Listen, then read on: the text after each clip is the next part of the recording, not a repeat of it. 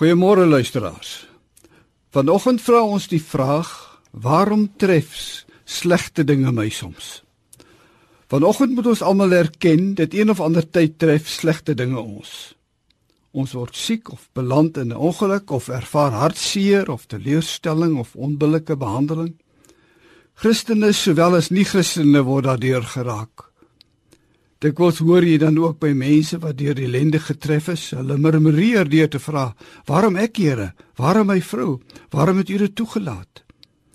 Nou wat sê die skrif oor wie veroorsaak lyding by mense?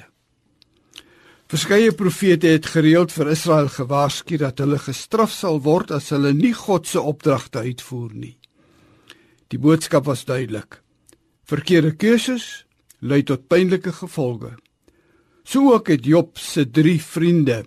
Job probeer oortuig dat omdat hy gesondig het, God hom wil dissiplineer en dat Job moet boete doen van sy sonde om vergifnis te ontvang.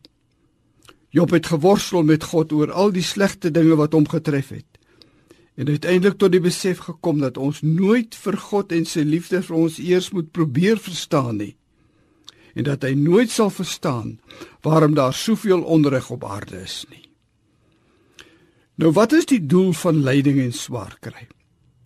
As jy lyding ervaar, beteken dit nie dat God jou verlaat het nie. Inteendeel, deur mens te word ervaar hy saam met ons die pyn. Hy het ons nooit 'n lewe sonder swaar kry op aarde beloof nie, maar dat as ons beproewing verduur, sal hy langs ons staan, soos die vierde persoon in die vuuroond saam met Daniël se vriende. Wat ons ook al mag deurgaan, het God ook deurgegaan en ons lyding kry vir ons betekenis as ons dit beskou as deel van ons kruis wat ons opneem om Jesus te volg.